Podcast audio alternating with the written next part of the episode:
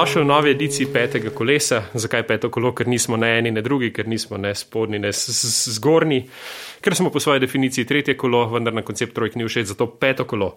Danes v okrnjeni zasedbi, oziroma dva stalna komentatorja in dva fake profila, Martin in Marko, ter fake profila Sadjevček in povežemo Slovenijo. Tako da to je to, Martin.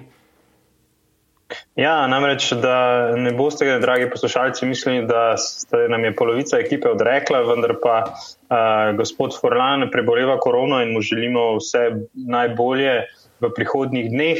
Um, gospod Ožve pa preboleva sonce v naši ljubi rdeči obalno-kraški regiji, tako kraški regiji. Ne, tega ne vemo, to so insinuacije. Kaj? Tega ne vemo, to so insinuacije. Da, to, to. Seveda, to nič ne vemo, tako kot eh, danes uh, slovenska vlada na Twitterju pravi, da tuji novinari ne vedo, kaj vse se dogaja v Sloveniji. Zato bova z Markom napadla naslednji dve temi. Stanje demokracije v Sloveniji ter srečanje predsednikov parlamentarnih strank pri predsedniku Pahorju. Marko, vendar, s čim nazdravimo najprej?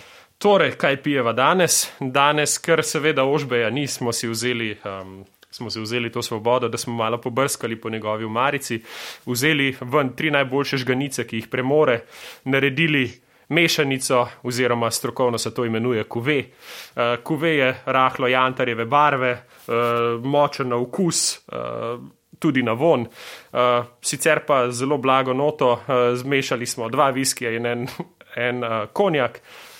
Tako da, uh, to je to. K temu smo pa dodali še uh, ščepec najboljšega hrvaškega, ampak ne vegete, ampak CD-vite. Tako da mislim, da je to idealna pijača za, za ta trenutek. Vendar lepa, ker smo, uh, ker smo v času posta, pite odgovorno in ne pite preveč, uh, da ne bo kakih pritožb. Torej, na zdravje. Na zdravje. Vendar taka mešanica je tudi zgleda uh, sedaj na ravni komunikacije. Eh, pred v bistvu prihajajočim predsedovanjem Slovenije Evropskemu svetu oziroma svetu Evropske unije. Namreč danes se je vlada Republike Slovenije odzvala za serijo tvitev, kjer v bistvu predsednik vlade vabi na obisk neko ad hoc sestavljeno komisijo Evropske komisije, ki naj bi preverila stanje demokracije, stanje medijev in podobnega v Sloveniji. Zelo zanimivo je to, da če pogledamo malo nazaj v zgodovino, tako kot Marko si ti na zdravu, oziroma sva na zdravla z starejšimi pijačami, tako je tudi to nek star trik. Namreč, če se spomnimo, pred prejšnjim predsedovanjem je bila zgodba malo da ne identična, ko je 571 novinarjev, predstavnikov medijev in podobnih osebnosti pisalo v Evropsko unijo in razlagalo o tem, da je predsedovanje Sloveniji v bistvu grožnja Evropski uniji. No, tisto predsedovanje smo preživeli, tudi Slovenija je postila zelo dober vtis uh, o grožnjah, oziroma o grožnji, potem je bilo v bistvu malo še povedanega, vendar očitno nekateri manevri ostajajo prisotni v slovenski politiki. Uh, jaz mislim, da je bilo dobro, da bi povedali še malo pred zgodbe. Zdaj ta burni odziv vlade oziroma teh 28 tvitev, kot se jih napoveduje danes, uh, snemamo v petek.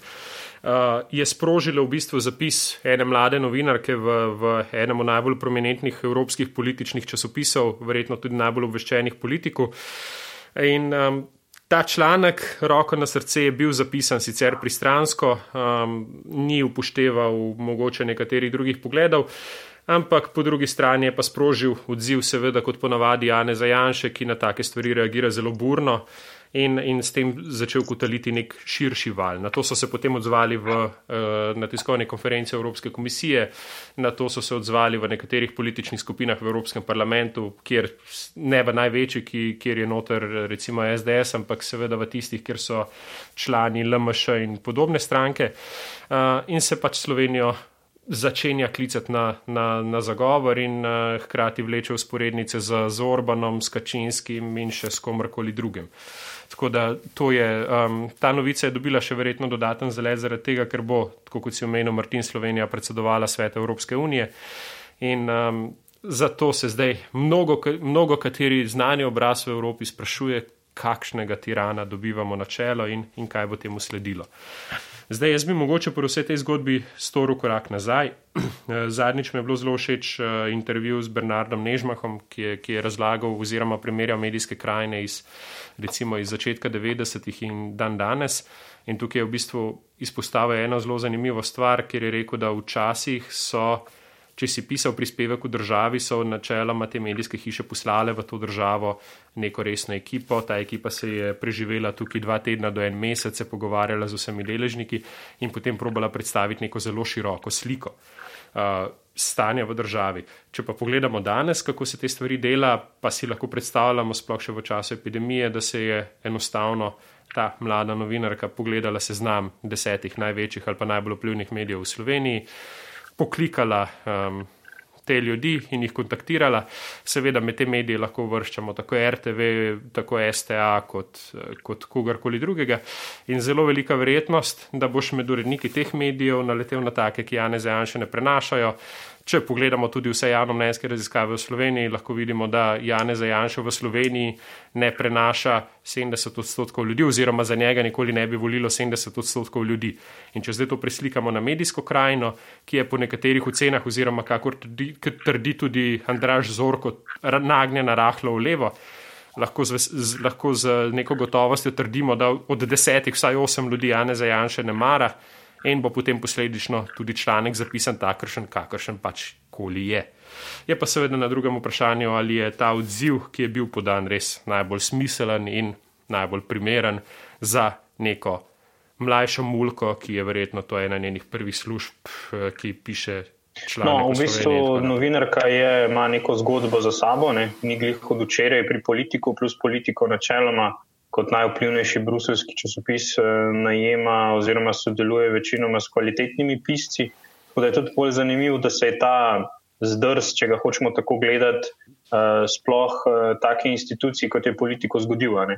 Ker um, po mojem mnenju tukaj ne gre za, ne gre za neko naključje, gre za to, da se pač pritisk uh, vrši na vlado, kjerkoli je to možno sploh v luči te recimo, notranje situacije, kjer je očitno, da konstruktivna nezaupnica ali interpelacije ne bodo uspešne, se sedaj v bistvu fokusira pritisk na projekt, ki to vlado, poleg epidemije, v bistvu bo najbolj zaznamoval, eh, sploh dolgoročno, namreč predsedovanje Sloveniji, Slovenije Evropske unije. Um, in se mi zdi, da je tukaj potrebno podobno klicati po konsenzu, tako kot se je klicalo po sodelovanju okrog epidemije, pa vidimo, da v bistvu to temu ni tako. Namreč, če pogledamo odzive na srečanje pri Pahorju, pred, teh predsednikov parlamentarnih strank, vidimo, da najprej se sploh niti vsi niso bili pripravljeni udeležiti. Um, poleg tega pa recimo komentarji v stilu, da edina rešitev so predčasne volitve, edina rešitev je, da se to vlado čim hitreje zamenja in hkrati želja, oziroma izraženo v bistvu niti ne želja, ampak kar pričakovanje po nekem konstruktivnem sodelovanju in v bistvu dogovor, um, da ne bi se v začetku marca sestali skupaj uh, predsedniki parlamentarnih strank, uh, zdravstvena stroka in tako naprej, ker ne bi vlada v bistvu iskala konsens za izhod iz zdravstvene krize. Um, tako srečanje po eni strani opozicija zahteva, pričakuje, si ga želi, vendar hkrati ne bo opustila dikcije, da je edina rešitev so predčasne volitve. Um, meni se zdi, da je to tudi en tak um, prikaz dialoga v Sloveniji po slovenski politiki. Figa v žepu je v bistvu postala standardna dikcija, ne, oziroma standardni modus operandi. Nekaj govorimo, pogovarjamo se za zaprtimi vrati ali pa delamo za zaprtimi vrati, pa nekaj popolnoma drugega. In tukaj se mi zdi, da nobena politična stran ni brezmadežna. Ne. To se dejansko strinjam. Um, to se dejansko strinjam. Dejansko se strinjam. Dejansko se strinjam. Jaz bi sicer rekel, da je tukaj, da je tako kot si ti opisal, ne, nobena stran ni brezmadežna, ker nekaj je hipokrizije, ki smo ji lahko priča. Na misel mi pride recimo ta očitek internacionalizacije krize, zdaj desnica očita levici, da internacionalizira naše probleme. Takemu očitku smo bili recimo priča strani levice napram desnici v prejšnjem sklicu Evropskega parlamenta, ko je Eh, evropska poslanka Romana Tomc izpostavljala tisti Iran Gate oziroma uh, pranje denarja v Novi Ljubljanski banki in je takrat vlada Marjana Šarca govorila, zakaj pa, zakaj pa internacionaliziramo ta problem, stvari moramo reševati v Sloveniji. Tako da ja, to, to vaganje enega in drugega se strinjam, so naši problemi. Uh, ki jih moramo rešiti tukaj, mogoče nima smisla tega internacionalizirati, ampak po drugi strani pa izkrivljanje slike na vzven skozi eno ali drugo stran ne dela Sloveniji nič dobrega. Uh, strinjam se, da, da stanje demokracije, če smo že začeli s to temo, v Sloveniji ni najbolj idealno. Uh, jaz to pripisujem tako kot znova, kot se v vseh teh podcestih pogovarjamo, uh, slabemu delovanju institucij. Uh, menim, da, bi, da, da nam tukaj manjka ta zadeva in se skoraj da dejansko strinjam z, z tezo, ki jo je LDS izpostavljal v 90-ih letih in sicer, da je Slovenija zaradi svoje velikosti pre, lahko največ premore po kritični masi ena in pol uh, elite. In uh, sicer takrat so oni govorili, da ena elita je njihova, pol elite je pa desnice. Uh, mislim, da so se ta razmerja celo malo spremenila v zadnjih letih. Ampak hočem povedati, da ja, Slovenija je tako mehna, da, da je teh ljudi prekleto malo in če, če so te ljudi skregani med sabo in polarizirani in potem to žarijo še na vzven, je, je to kar velik problem, ki, ki v bistvu na dolgi rok onemogoča neko resno sodelovanje oziroma jaz bom še tako rekel, onemogoča resen potencial oziroma onemogoča resno izvrševanje potencijala, ki ga vendarle imamo. In, um, ampak po drugi strani, Eh, če nadaljujem to misel, je pa tudi res, da glede na 30 let samostojnosti in samostojne države, ki jo, eh, ki jo imamo, po drugi strani nekaterih stvari ne znamo urediti sami in bi tukaj nek evropski pritisk, vsaj na urejanje določenih institucij oziroma na zahtevanje spoštovanja prava, tudi bil dobrodošel. Um, No, jaz mislim, da je gotovo se gre strinjati eh, z eno tezo, ki je v tem pismu. Eh, ki ga je poslal Janez Janša v, v Evropsko komisijo oziroma Evropske unije. Namreč je ta dikcija, da naša tranzicija pač ni bila v polnosti uspešna. Ne. Mi se soočamo s tem, da v bistvu še vedno uh, v Sloveniji živijo neki podsistemi, ki v bistvu so neodvisni od vsakokratne oblasti, kapitalske osnove imajo dovolj, uh, in v bistvu regirajo življenje um, sebi in drugim okrog sebe, popolnoma na avtonomen način. Ne? In imamo recimo to tako zgodbo, gledamo okrog um, korupcije v zdravstvu. Namreč vsak minister, lev ali pa desen, ki se je te zgodbe lotil, se je ugotovil, da je ugriznil nekam, kamor ne bi smel. Ne? In tukaj bo tudi zanimivo videti, kaj bo aktualni minister uspel narediti v trenutni situaciji, Eh, če se potem proti koncu obrnemo še, še na to zgodbo.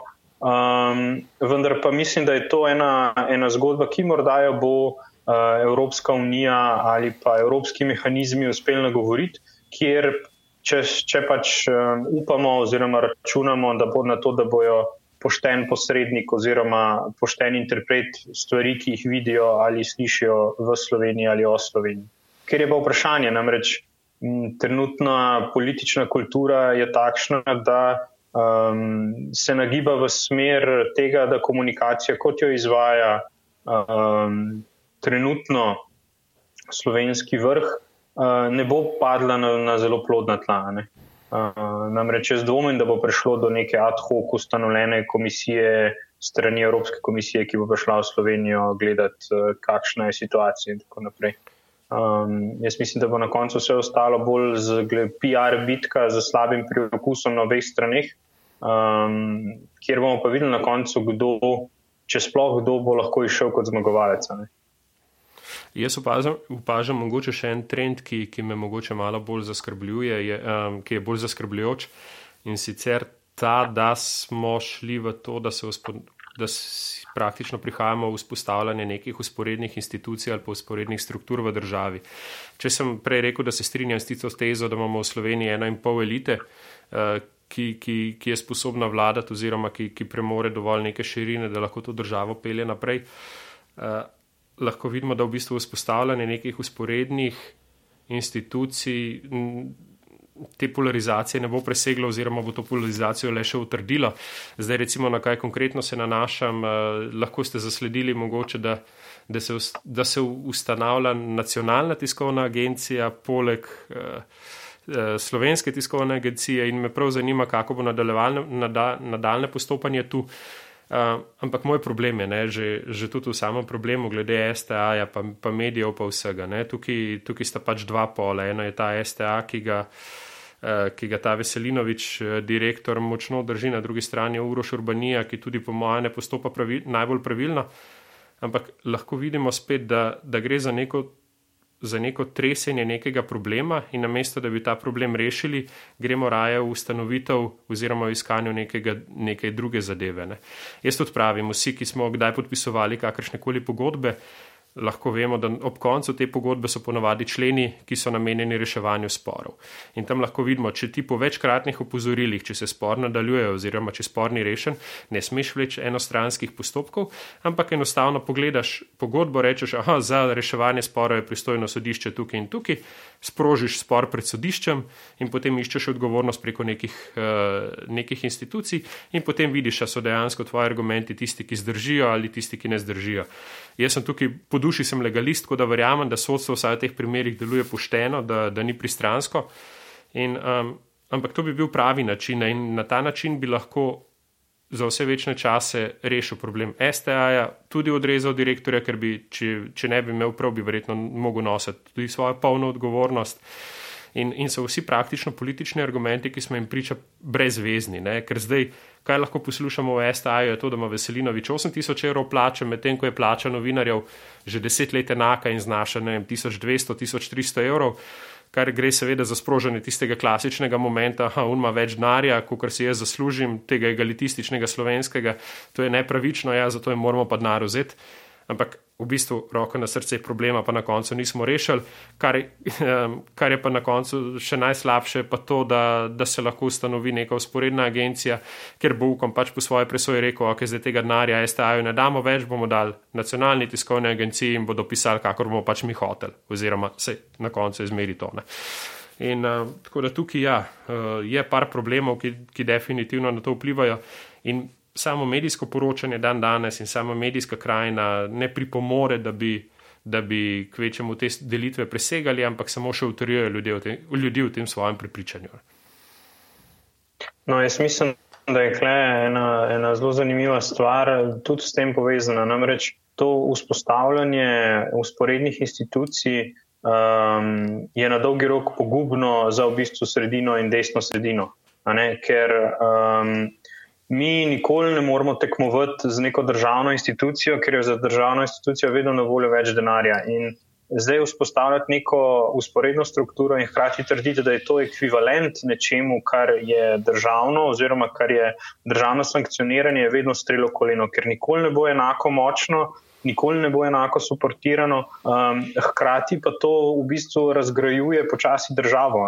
Um, namreč zdaj govoriti, da mi priznavamo vem, novice, ki prihajajo z ene agencije, um, drugi bojo priznavali novice, ki prihajajo iz druge institucije, um, in zdaj se gremo, kdo ima prav in kdo nima prav, in upijemo v luno v bistvu. Um, zato pa um, se mi zdi, da ta korak dolgoročno bomo ugotovili, da bolj škodi tistim, ki to počnejo, kakor pa tistim, um, ki naj bi jim povzročali težave. težave ja, ampak to počnejo um, oboje. Da... ja, oboje pa hkrati. Zanimivo je to, da pač. Um, to, zato se pa strinjam s to dikcijo, da m, tranzicija ni dokončana, namreč mi teh institucij v bistvu nikoli uh, nismo, po domače povedano, preluftali. Ne? Kar nekaj elementov, ki ostajajo, ki v bistvu bodo izveneli šele, ko recimo bodo določeni šli, ljudje šli v pokoj in tako naprej. Pa še potem je vprašanje, katera vlada je takrat trenutno na oblasti, da lahko nekega človeka um, zamenja. Uh, vse splošno se pa, če se vrnemo na obisk pri predsedniku Pahorju, da strinjati z njegovo tezo, kjer je v bistvu uh, izjavil, da um, glede na zastropljenost političnega ozračja, je bila razprava na visoki ravni politične kulture. Bila je vključujoča, spoštljiva, ne glede na to, da je bila na trenutke zelo polemična, je po srečanju rekel Pahora. Ne? In meni se zdi, da je tudi prvikrat res tako, da um, se ne izbira več sredstev, nihče več ne pazi na besede. Um, recimo, sploh predsednica SD-ja, itak predsednik Levice že, že leta Um, in to ni dobro za stanje, psihološko stanje naroda, sploh glede na COVID krizo. In jaz mislim, da tukaj uh, bo na koncu računu izstavljen vsem nam kot državljanom, kajti konec koncev te ljudje, ki sedijo v parlamentu, morajo sprejemati odločitve, ki ne bi bile dobre za vse, oziroma za največjo možno večino.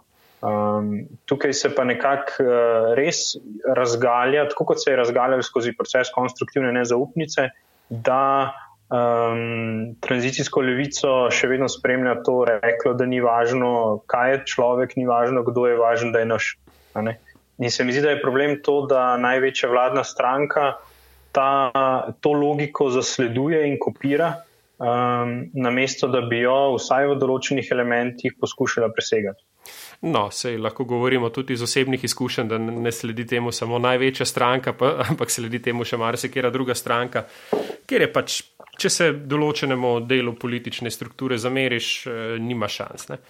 oziroma te bodo raje odrinili na stran, kot pa da bi, te, kot pa, da bi bil vključen v določene procese, tudi, če tudi bi bili ti procesi zelo neutralni in od njih v bistvu neodvisni. Ne. Ampak v redu, to, to je druga stvar. Jaz, no, tukaj... recimo, jaz ti povem zelo očiten primer, ne, zelo jasen in očiten primer, um, o katerem jaz razmišljam zdaj že kar nekaj časa, ki sem ga izkusil v bistvu na lastni koži. Ne. Če pogledaš Um, mene je prek Twitterja napadel tale novinar z Gaga, ne, kjer je pač problematiziral neka dejstva o meni, ki so javno znana in v bistvu sploh niso problematična.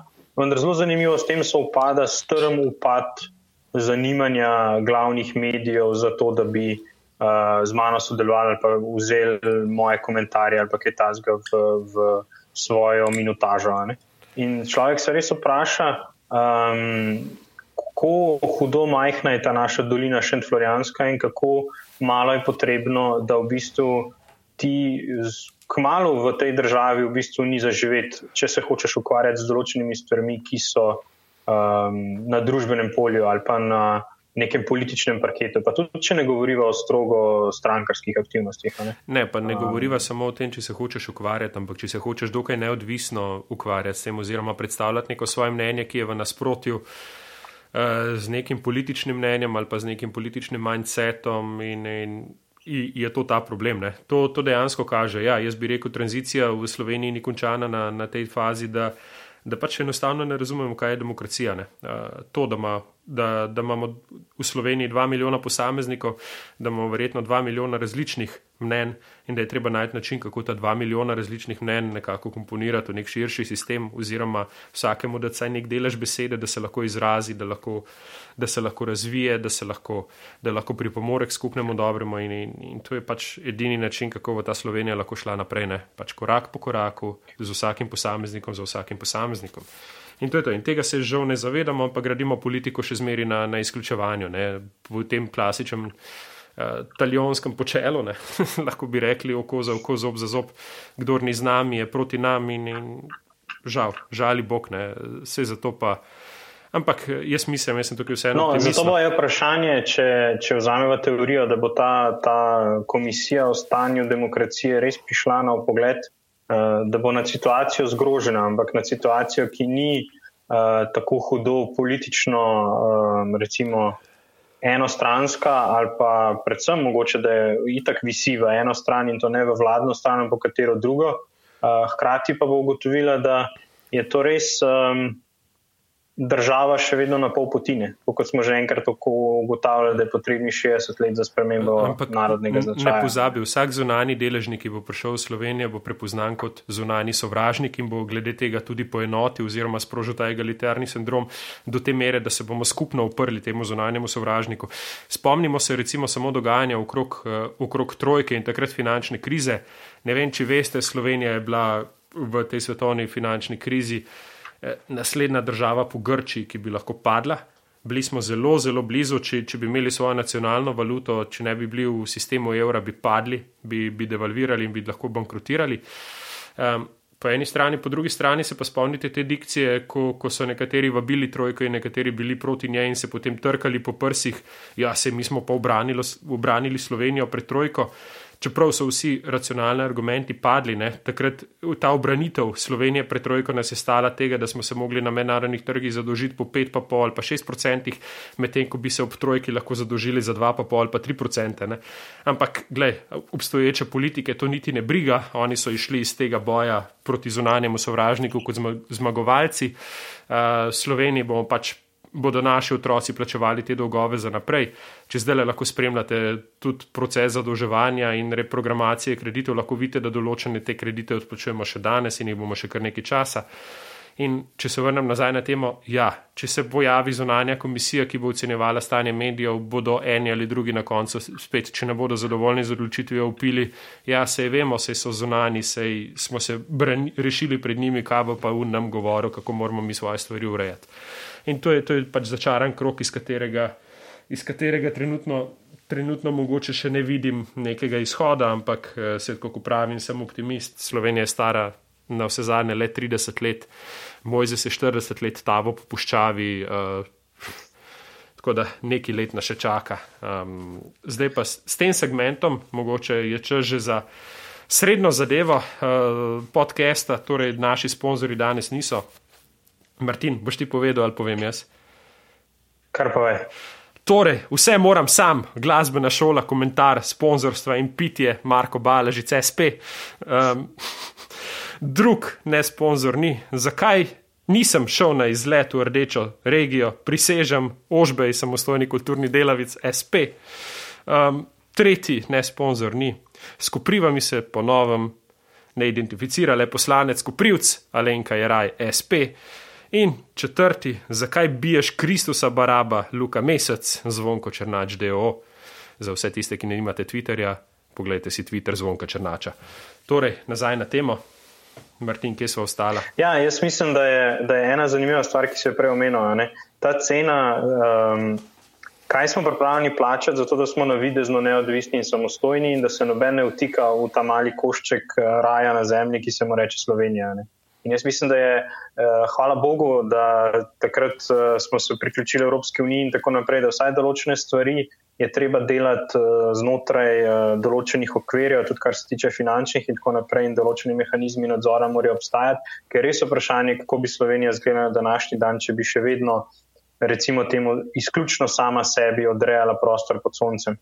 Uh, hkrati um, je pa mislim, da je ravno to temeljna temeljen paradoks slovenske politike, sploh na levici, kar itak dokazuje zgodovina že zadnjih 70-80 let, da kot prvo žrtve morajo biti, ne, ker potem imamo mučenike, uh, in kot drugo cena za to, da ostanemo na vrhu um, tega kupa gnoja, um, ni nikoli previsoka. Ne.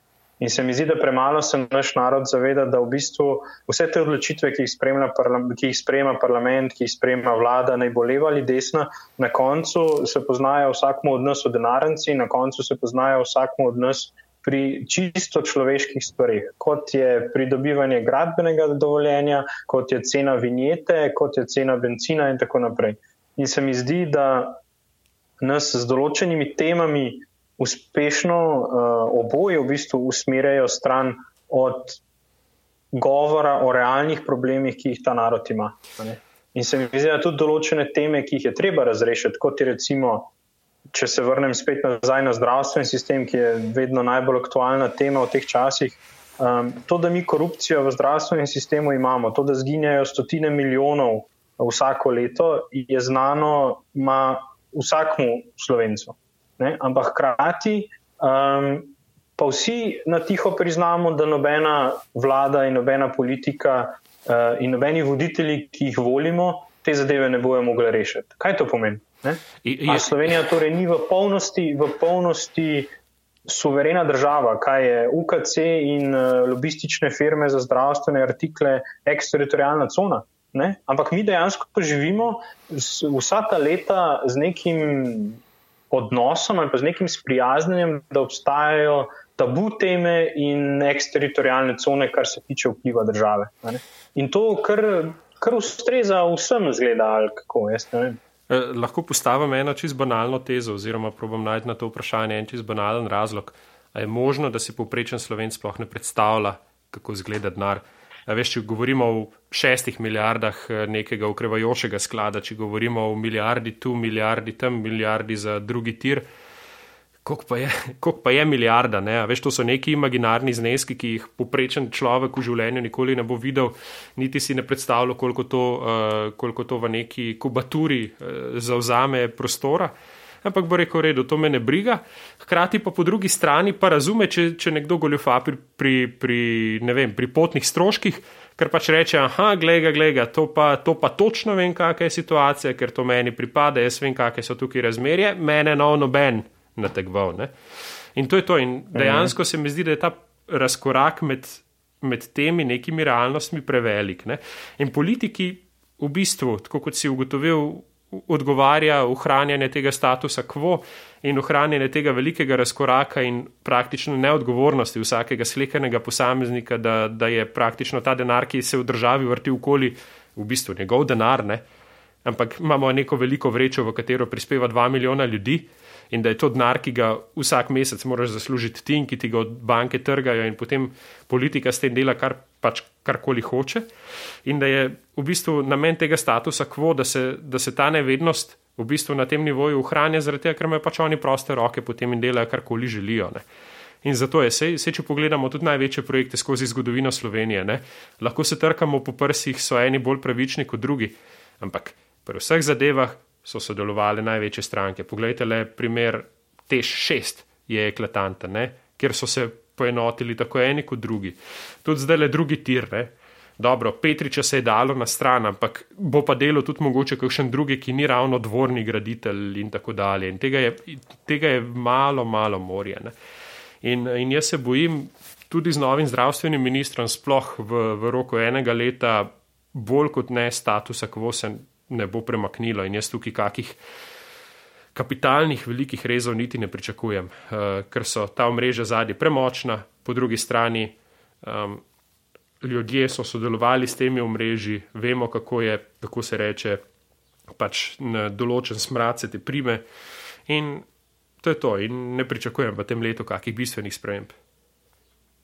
Kaj pa pričakuješ v bistvu recimo za zadnjo temo, če rečemo od novega zdravstvenega ministra, namreč dobil je 50 glasov, ne veliko, ne malo, um, obljube so sicer velike, vsi mu um, štejejo v plus, kaj se je dogajalo v jeseniški bolnici, uh, ki jo je v bistvu potegnil iz rdečih številk, potem tega nekega čudeža sicer uh, ni uspel ponoviti v UKC-ju, uh, vendar pa kako ti gledaš na to situacijo oziroma kaj mu.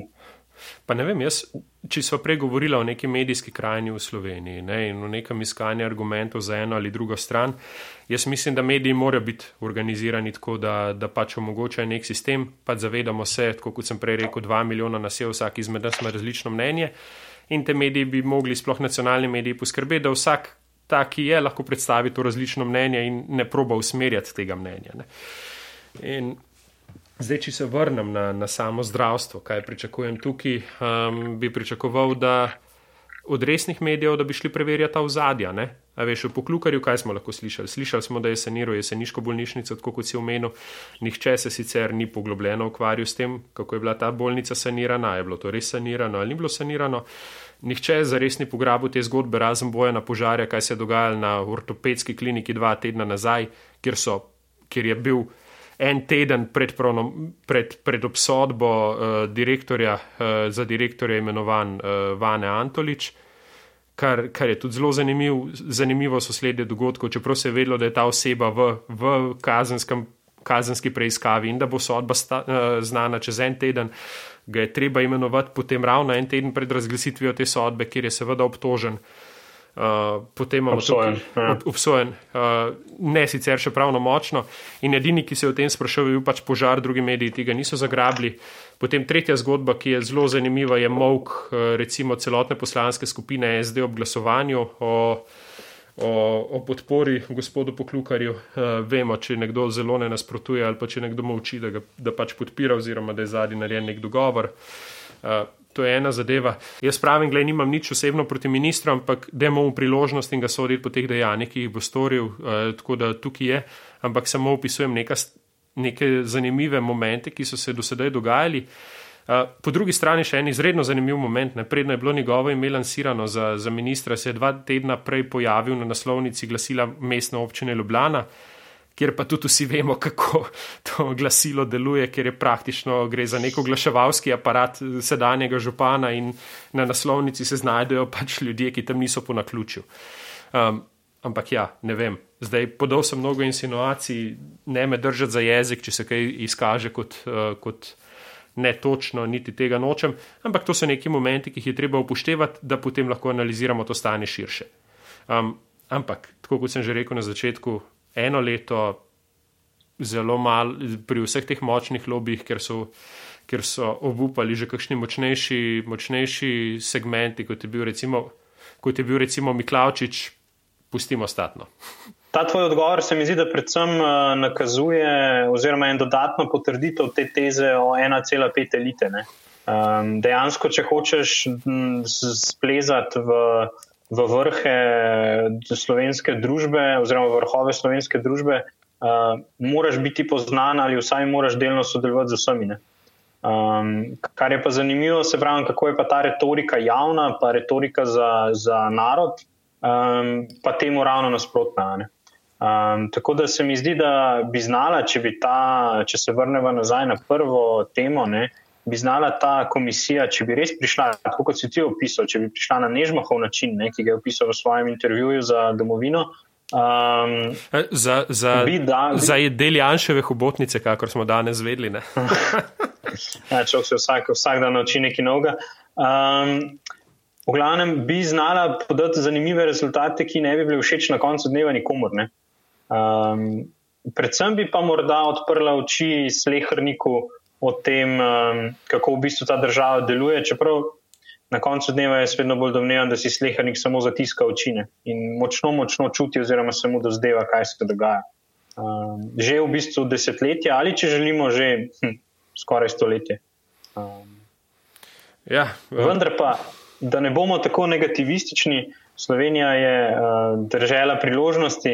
Uh, približuje se slovensko predsedovanje Evropske unije, kar bo gotovo priložnost za promocijo. Jaz upam, da se bojo COVID razmere tako umirile, da bomo od tega tudi imeli nekaj naš slovenski turistični sektor um, in da bomo lahko ponovno predstavili Slovenijo v, v lepi luči oziroma jo naredili, prikazali kot zanimivo, vsaj turistično, če že ne politično destinacijo. Um, tako da želimo pa seveda, se mi zdi, da v imenu naj obeh uh, ministrov poklukarjev vsega dobrega, vse dobro in da bo dobro nadaljeval delo, ki ga je v bistvu se ukvarjala celotna vlada s področjem zdravstva v tem času, uh, in da bomo išli iz, kriz, iz te krize v čim boljši formi. Torej, hvala, Martin, lepo si se spomnil ta preskok naredil na optimizem na koncu. Uh, jaz mislim, da se tukaj strinjata z nami tudi fake profila Boštjana in Ožbe, torej Sadjevček in, in povežemo Slovenijo. Uh, drugače pa ja, tako kot, uh, tako kot do sedaj poslušate nas lahko na, na mnogo mrežjih, torej sledite petemu kolesu. Uh, če ste naš, nas, nam všeč, nas polajkate ali pa tudi ne, kakor vam paše, uh, se ponovno slišimo čez 14 dni in Lip Weekend. Lip Weekend.